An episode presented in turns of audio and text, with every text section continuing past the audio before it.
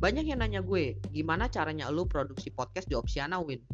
Karena banyak yang takut kalau bikin podcast itu bakalan ribet banget. Jawaban gue sih nggak ribet kok. Toh kalau kalian bisa rekam sampai upload itu semuanya bisa kalian lakukan dalam satu aplikasi aja. Gue pakai Anchor di sini, di mana gue bisa ngebuat podcast itu kurang dari 10 menit aja. Kalau kalian nggak percaya, langsung aja kalian cobain bikin podcast kalian sendiri dengan Anchor.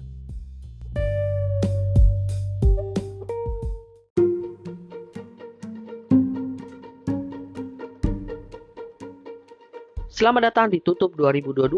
Episode ini adalah bagian dari tantangan 30 hari bersuara 2022 yang diselenggarakan komunitas The Podcaster Indonesia. Selamat mendengarkan. Handphone sekarang itu gokil men. Dulu ya kalau kita pakai telepon ya cuma buat telepon, SMS. Sekarang kita mau ngapain aja bisa lewat aplikasi yang ada di smartphone men Mau pesan makanan, pakai aplikasi ini. Mau belanja, pakai aplikasi ini. Mau meeting, pakai aplikasi ini. Pokoknya apa yang lu cari ada di smartphone sekarang ini. Dan nggak sampai di situ aja. Sekarang ini apa yang kita cari bahkan bisa ditemukan di dalam satu aplikasi aja. Dan aplikasi itu kita sebut dengan yang namanya super apps.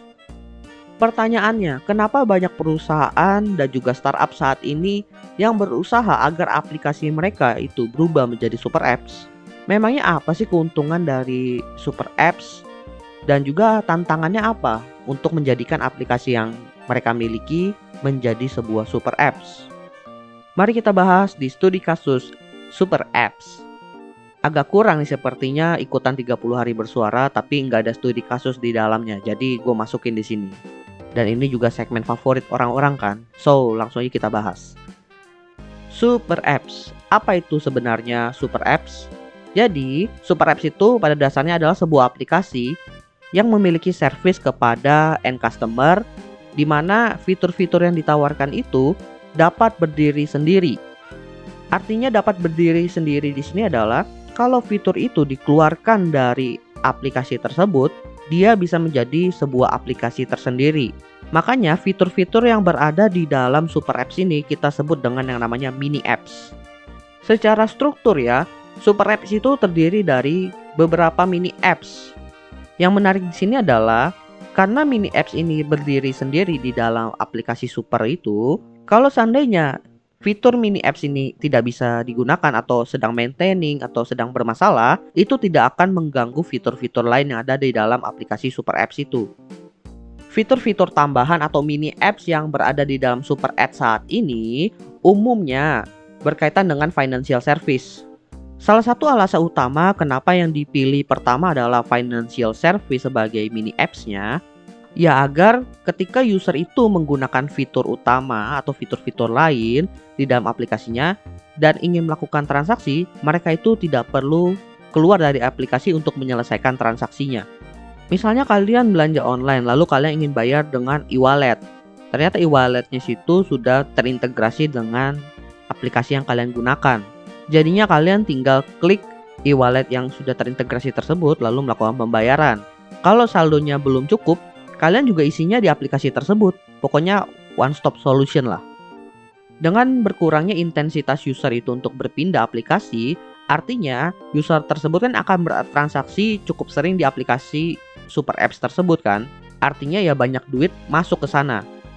Pertanyaannya adalah bagaimana tanggapan masyarakat terhadap super apps ini? Soalnya kan kita menggunakan aplikasi itu karena membutuhkan sesuatu. Tapi ketika kita pakai apps tersebut lalu menemukan fitur yang berlainan atau tidak berhubungan dengan aplikasi tersebut, apakah akan berpengaruh kepada intensitas penggunaan? Melalui survei yang gue kutip juga dari fintech.global yang dilakukan oleh PayPal ya, di mana ternyata sekitar 72% masyarakat di dunia secara global tertarik terhadap super apps. Alasan terbesarnya adalah sekitar 57% mengatakan mereka itu bisa meminimalisir resiko kehilangan data sensitif karena mereka cukup sharing ke satu aplikasi saja. Kemudian diikuti dengan alasan kedua sekitar 55% mereka mengatakan lebih mudah mengkoordinasi berbagai sektor kehidupan mereka di dalam satu aplikasi saja yang tadi gue sebutin one stop solution. Artinya dari segi masyarakat, super apps ini sudah dinilai positif karena bukan cuma menyelesaikan satu masalah saja tapi sudah berbagai masalah dalam hidup mereka. Terus apa aja sih keuntungan yang didapatkan oleh perusahaan jika mereka mengkonversi aplikasi mereka menjadi sebuah super apps? Yang pertama tadi udah gue jelasin yaitu meningkatnya retensi user menggunakan aplikasi super apps sehingga berdampak kepada ketergantungan dan juga loyalty user yang membuat transaksi di dalam super apps itu meningkat juga. Yang kedua, perusahaan mendapatkan data user lebih banyak. Berbeda kalau seandainya mereka itu mengandalkan fitur utama mereka saja, misalnya e-commerce. Berarti data yang didapatkan umumnya itu ya barang-barang yang sering dibeli oleh user, besar transaksi setiap belanja, dan metode bayar yang sering digunakan. Kalau mereka mengintegrasikan aplikasi mereka dengan fitur atau service finansial, which is membuat aplikasi mereka menjadi super apps, mereka bisa mendapatkan data lebih di mana data yang biasanya diminta oleh financial service itu terkait data personal seperti pekerjaan, penghasilan per bulan, di mana datanya ini nanti dapat digunakan untuk membuat personal experience kepada user.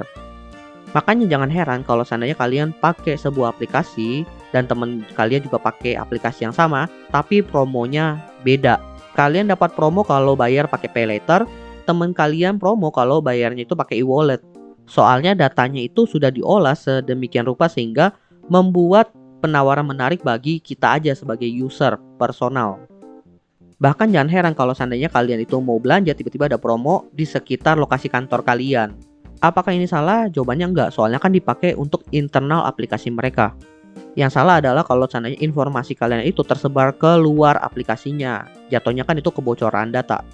Lalu keuntungan ketiga adalah membuka kesempatan dari perusahaan tersebut untuk scale ke market yang lain yang lebih besar. Pada umumnya kan satu apps itu bergerak di satu bidang aja. Gua ambil contoh e-commerce. Kalau bisnis e-commerce ini ingin masuk ke marketnya red hailing, mereka bisa aja bikin bisnis red hailing tersendiri. Tapi tentunya untuk bisa langsung loncat ke red hailing ini, banyak hal yang perlu diselaraskan dulu. Dari cara bisnisnya, dari sistemnya, Pokoknya banyak hal deh yang harus disamakan dulu. Tapi kalau seandainya mereka itu sudah menjadi super apps terlebih dahulu, artinya mereka udah punya satu cara main yang bisa dibilang general, di mana ketika mereka itu ingin main ke market yang lain, yang perlu diselaraskan itu tidak sebanyak kalau mereka benar-benar start dari nol. Makanya rata-rata super apps itu mengambil financial service sebagai mini apps pertama mereka Soalnya financial service itu sangatlah general. Cara mainnya di berbagai tempat pun mirip-mirip kan? Kalau kita udah beli barang atau pakai jasa, kita bayar dengan metode pembayaran tertentu. Makanya banyak bisnis itu kalau memilih super apps startnya dari financial service. Ibaratnya financial service itu adalah jembatan utama mereka untuk berpindah ke market-market lain. Nah, tinggal ketika mereka itu ingin bermain yang red hailing tadi, mereka tinggal mengintegrasikan bisnis mereka dan juga aplikasi mereka itu ke dalam financial service yang sama. Ya, simpelnya kayak gitulah. Ya, karena dasarnya super apps itu kompleks banget dan kalau dijelasin satu persatu itu bakalan panjang. Tapi intinya kalau mau bikin super apps itu aplikasinya dibikin sebuah sistem yang general sehingga aplikasi lain ketika mau masuk itu tinggal integrasi dengan mudah dan cepat itu dia keuntungan dari membuat apps-nya menjadi super apps bagi perusahaan. Terus apa aja sih tantangan yang dihadapi oleh perusahaan ketika mereka ingin membuat super apps ini? Yang pertama tentunya dari user experience di mana ada perubahan experience di sini. User yang biasanya menggunakan aplikasi A untuk melakukan A tiba-tiba menemukan fitur B yang sebenarnya nggak berhubungan dengan apa yang mereka inginkan. Tinggal bagaimana perusahaan ini bisa mengemas aplikasi mini apps terbaru mereka itu sehingga ketika digunakan kalau user penasaran ya, experience-nya itu seamless, tidak saling tumpang tindih. Jadi benar-benar apa yang digunakan itu di dalam satu apps aja. Kan percuma ya kalau seandainya kita udah pilih fitur ini, lalu ngelakuin beberapa step, tiba-tiba buka aplikasi yang terkait atau nggak suruh download. Kan gak enak banget ya.